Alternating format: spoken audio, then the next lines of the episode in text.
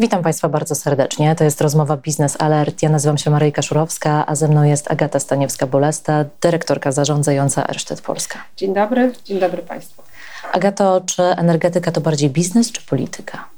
Energetyka i polityka to tandem rowerowy, gdzie polityka czy rząd siedzą na pierwszym miejscu i pedałują i określają kierunek i określają tempo na tej jazdy. Czyli i mówię o tym dlatego, że, że politycy mają w rękach wiele narzędzi sterujących energetyką. Od strategii energetycznej, gdzie dokładnie dokumentu, gdzie określamy tempo rozwoju, jakie technologie, w jakich wolumenach mają powstawać. Y, politycy mają w rękach też rozwój sieci y, poprzez zarządzanie spółkami, które są, należą do Skarbu Państwa E, czy sieciami przesyłowymi, czy dystrybucyjnymi, a bez sieci, wiadomo, nasze projekty nie będą przyłączane, nie będą funkcjonowały.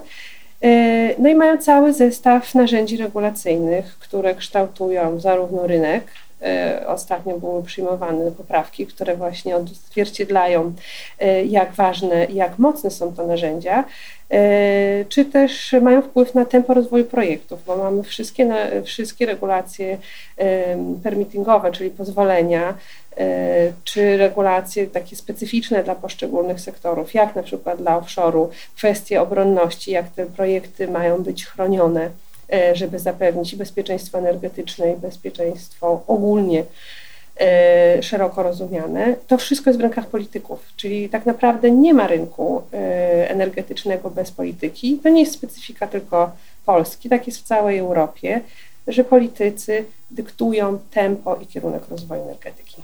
No i właśnie, teraz e, w przypadku offshore'u e, te regulacje mogą być albo rozwijające e, ten, ten segment, albo mogą być gdzieś tam hamujące rozwój. Jak oceniasz, jak to jest w Polsce? Ja myślę, że trochę jak w życiu. Są regulacje, które bardzo nam pomagają, są regulacje, które są dla nas trudniejsze. To, co jest absolutnie ważne, to żeby przy rozwoju tak dużych projektów infrastrukturalnych, jakimi są morskie farmy wiatrowe, współpracować cały czas e, z rządem, czyli sektor musi dawać informacje do rządu, które są w jakiś sposób odbierane e, i przetwarzane właśnie na te odpowiednie regulacje. Z dobrych przykładów e, to powiedziałabym, że cały system wsparcia, który przygotowywaliśmy wspólnie, rząd, z, z sektorem. To jest bardzo dobry przykład właśnie takiej dobrej regulacji, która brała pod uwagę nie interesy sektora tylko i wyłącznie, tylko różnych interesariuszy i było dużo dyskusji i rozmów, jak ten, jak ten mechanizm zaprojektować. Suma summarum, y, jest to dobre rozwiązanie, które jest znane też na innych rynkach y, i daje nam takie bezpieczeństwo rozwoju tych projektów. E, ale są też e, no, inne, inne obszary, e, myślę te permittingowe, gdzie moglibyśmy też popracować nad tym, żeby pewne procesy skracać, żeby pewne procesy może upraszczać i szybciej realizować te projekty. Okej, okay, to cofnijmy się może krok do tyłu. Powiedz, w jaki sposób w ogóle się rozwija projekty offshore'owe? Okej, okay. Czyli od pierwszego, pierwszym momentem, który można powiedzieć takim punktem startu jest uzyskanie pierwszego pozwolenia, tak zwany PSW, czyli to jest nic innego jak e, otrzymanie prawa do mhm. obszaru na morzu. E, I od tego czasu inwestor zaczyna, jakby zaczyna, zegar zostaje włączony i my mamy odpowiednie harmonogramy, do kiedy musimy uzyskać wszystkie niezbędne e, pozwolenia. I to jest faza tak zwanego developmentu, przygotowania projektu. W tym czasie też, oprócz tego, że uzyskujemy pozwolenia budowlane, decyzję środowiskową, pozwolenia wodnoprawne, to przygotowujemy cały proces zamówień e, publicznych, jak już mamy z reguły decyzję środowiskową. Wtedy mamy już jakieś większe e, rozeznanie, jak ten projekt będzie wyglądał, jak on będzie, jaki będzie miał e, ustawienie tych różnych pozycji wiatrakowych na, na morzu i jesteśmy gotowi do rozpoczęcia procesu zakupowego. I mniej więcej cały ten proces takiego przygotowania projektu do rozpoczęcia e, w drugiej fazy konstrukcyjnej trwa w Polsce około 8 lat. Okay. E, potem mamy fazę konstrukcyjną i przy projektach, które w tej chwili mamy, czyli dużych, około 1 gigawata, to z reguły są 2 lata. No i potem rozpoczyna się faza operacyjna, która trwa między 30 a 35 lat. Okej. Okay. Czyli długo. Tak, to jest długi termin. E, powiedz mi, w której fazie w tym momencie wy się znajdujecie z projektami w Polsce? Mhm. My jesteśmy w zaangażowanej fazie e, developmentu, czyli rozwoju projektów. E, dla naszego projektu Baltica 2 ogłaszaliśmy niedawno bardzo ważny kamień milowy, y, czyli podpisanie kontraktu z Siemensem na turbiny.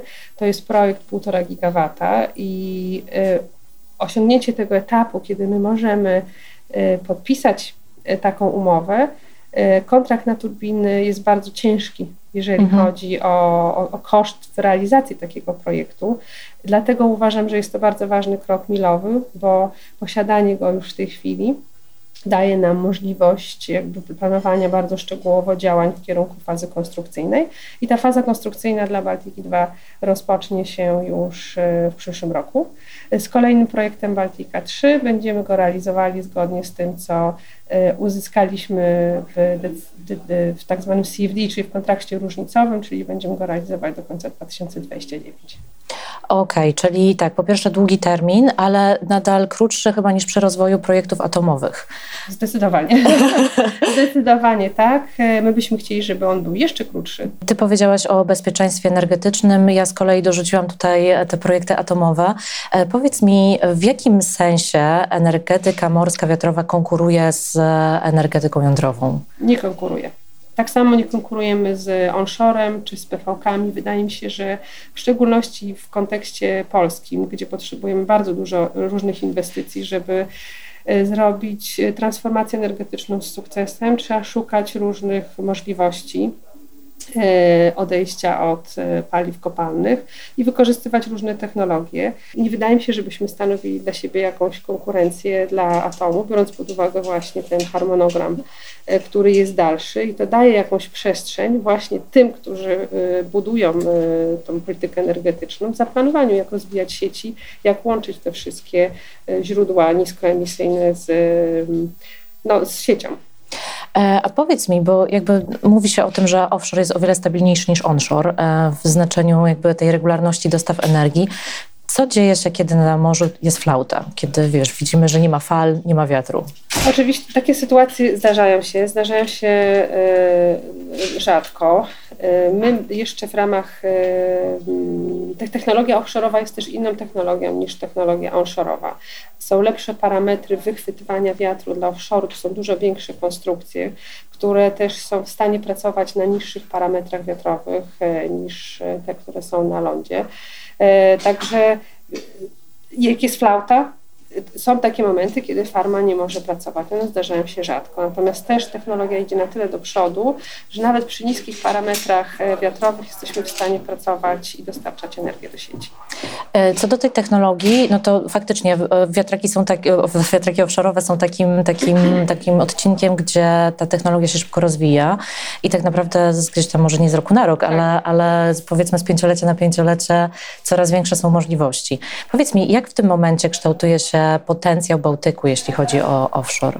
On jest dosyć, y, dosyć duży. Cały Bałtyk ma potencjał 83 gigawatów. W Polsce w zeszłym roku y, PSEF, czyli Polskie Stowarzyszenie Energetyki Wiatrowej, przygotowało raport, z którego wynika, że dla polskiego wybrzeża możemy zrobić 33 gigawaty y, projektów offshore'owych do 2050 roku biorąc pod uwagę pewien progres też technologiczny, który będzie miał miejsce na przestrzeni kolejnych, kolejnych dekad. Czyli on jest dosyć znaczący, biorąc pod uwagę y, no, nawet dzisiejsze zainstalowane moce. Y, I jest to, myślę, taki element istotny budowania naszego miksu energetycznego.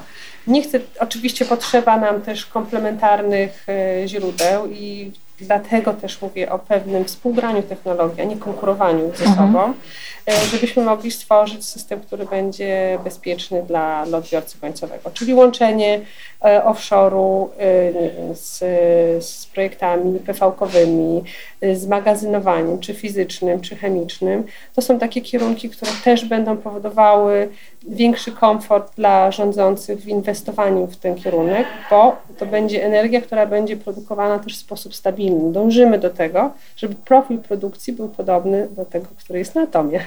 E, ja tylko dodam, że projekty PV-kowe to fotowoltaiczne. No, tak. Tak, to, to, to jest fotowoltaika, e, ale wracając do, do, do naszej rozmowy, um, powiedz, bo często mówi się o tym i też często widzimy takie mapki e, o współpracy właśnie na Bałtyku, tych rozwiązań offshore'owych. Mówi się o tym też dużo, że e, koordynacja takich projektów raczej jest gdzieś tam pan e, regionalna, aniżeli um, należąca do poszczególnych krajów. O co w tym tak naprawdę wszystkim chodzi? To zależy właśnie od etapu rozwoju. W tej chwili jesteśmy na y, pierwszy krok zagospodarowania Bałtyku. Bałtyk jest nowym akwenem y, dla morskiej energetyki wiatrowej.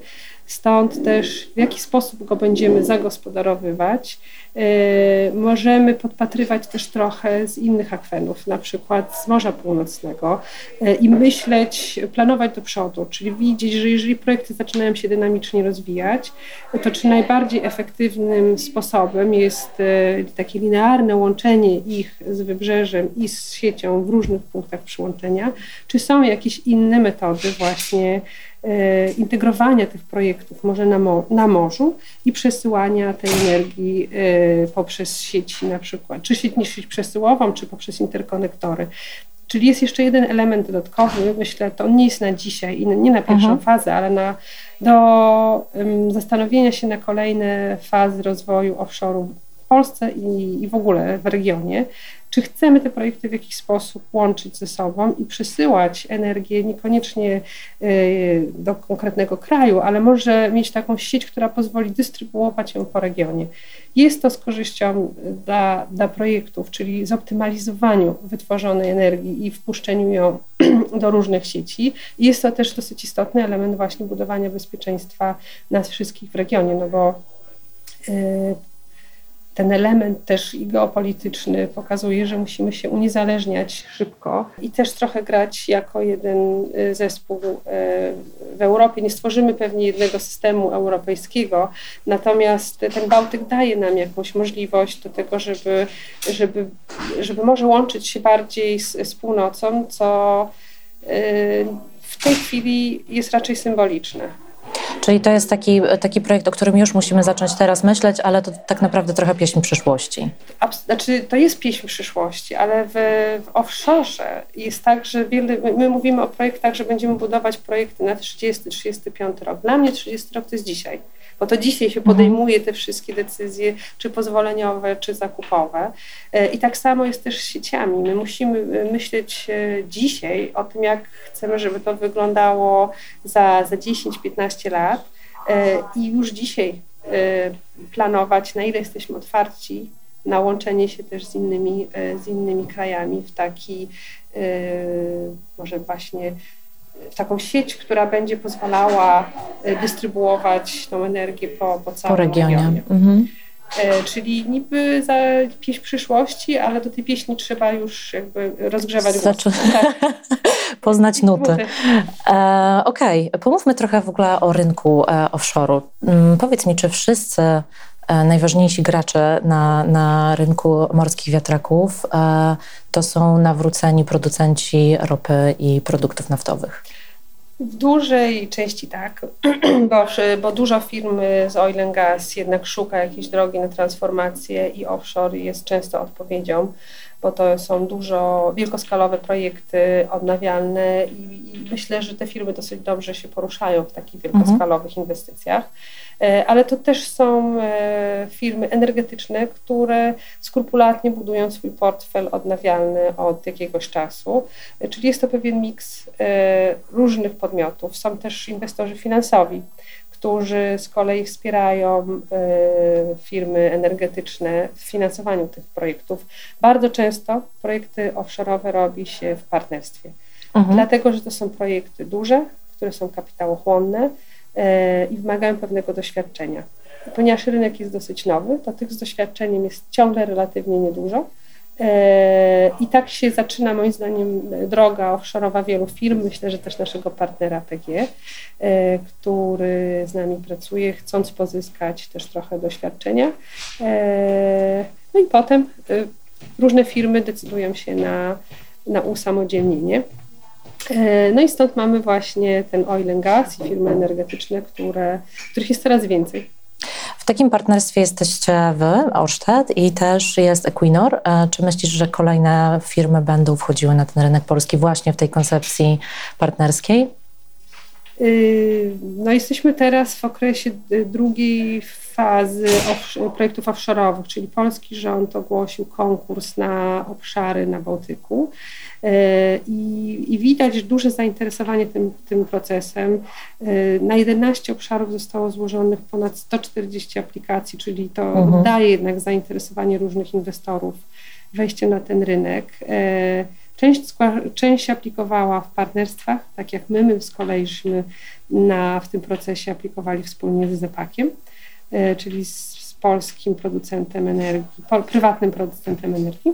Mhm. E, część podmiotów aplikowała solo, czyli te, te strategie są różne, natomiast e, no zobaczymy, jak się będzie to dalej rozwijało. W tej chwili PG otrzymało 4 z 5 Y, nowych obszarów. Y, czekamy na ogłoszenie na kolejne y, sześć. Jestem bardzo ciekawa, jakie to będą rozstrzygnięcia. I wydaje mi się, że, że, że, że to się pewnie będzie miało jakąś swoją dynamikę i dalszy ciąg.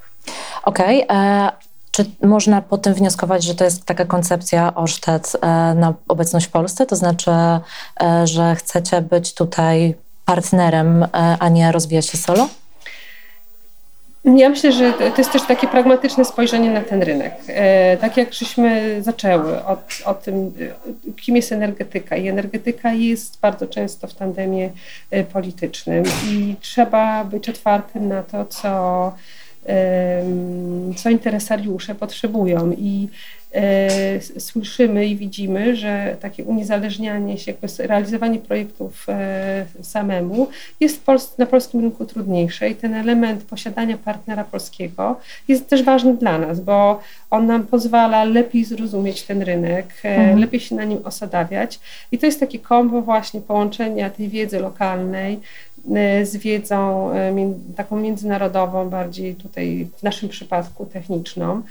E, a, a nasze partnerstwo z Zepakiem pokazuje też, że dla nas ważny jest jeszcze jeden element, czyli wsparcie Polski w transformacji energetycznej. I to było dla nas ważnym, ważnym czynnikiem e, wybrania i, i, i dogadania tej współpracy z Zepakiem, czyli firmy, która jest w tej chwili oparta na energetyce e, węglowej, węgla brunatnego, potrzebuje odejścia od tego w zasadzie w tej chwili i szuka możliwości inwestowania projekty y, czyste, w projekty odnawialnej energetyki. Y, więc mamy oczywiście kilka celów. Y, rozumiemy, że tutaj trzeba właśnie działać mhm. w taki sposób, ale też ten element właśnie wsparcia Polski, Polaków w tym, żeby szybciej i efektywniej budować energetykę odnawialną jest dla nas naprawdę ważny. Czy w projektach offshore'owych e, ważne jest doświadczenie infrastrukturalne? Mam tutaj na myśli to, że e, skoro wszyscy, znaczy no, najwięksi gracze na tym rynku to są jednak um, gracze właśnie, którzy mają już e, doświadczenie na morzu, z wydobyciem na morzu, ale no, tutaj w tym przypadku trochę inaczej, ale cały czas działamy na morzu. Czy ten element tak naprawdę gra rolę, czy to jest taki, taka, taka ułuda? To są, tak jak powiedziałaś, bardzo duże projekty infrastrukturalne, które są trudne. One są robione 30, 40, 50, niekiedy nawet 100 kilometrów od wybrzeża. To naprawdę nie ułatwia mhm. ich e, tej, tej logistyki. Ta logistyka jest e, trudna jest też dopinana na ostatni guzik. Bardzo są e, ważne e, standardy bezpieczeństwa i standardy techniczne przy realizacji tych projektów, więc te doświadczenie takie dawny oil and gas, umiejętność poruszania się w tej przestrzeni wodnej jest też jest elementem absolutnie ważnym.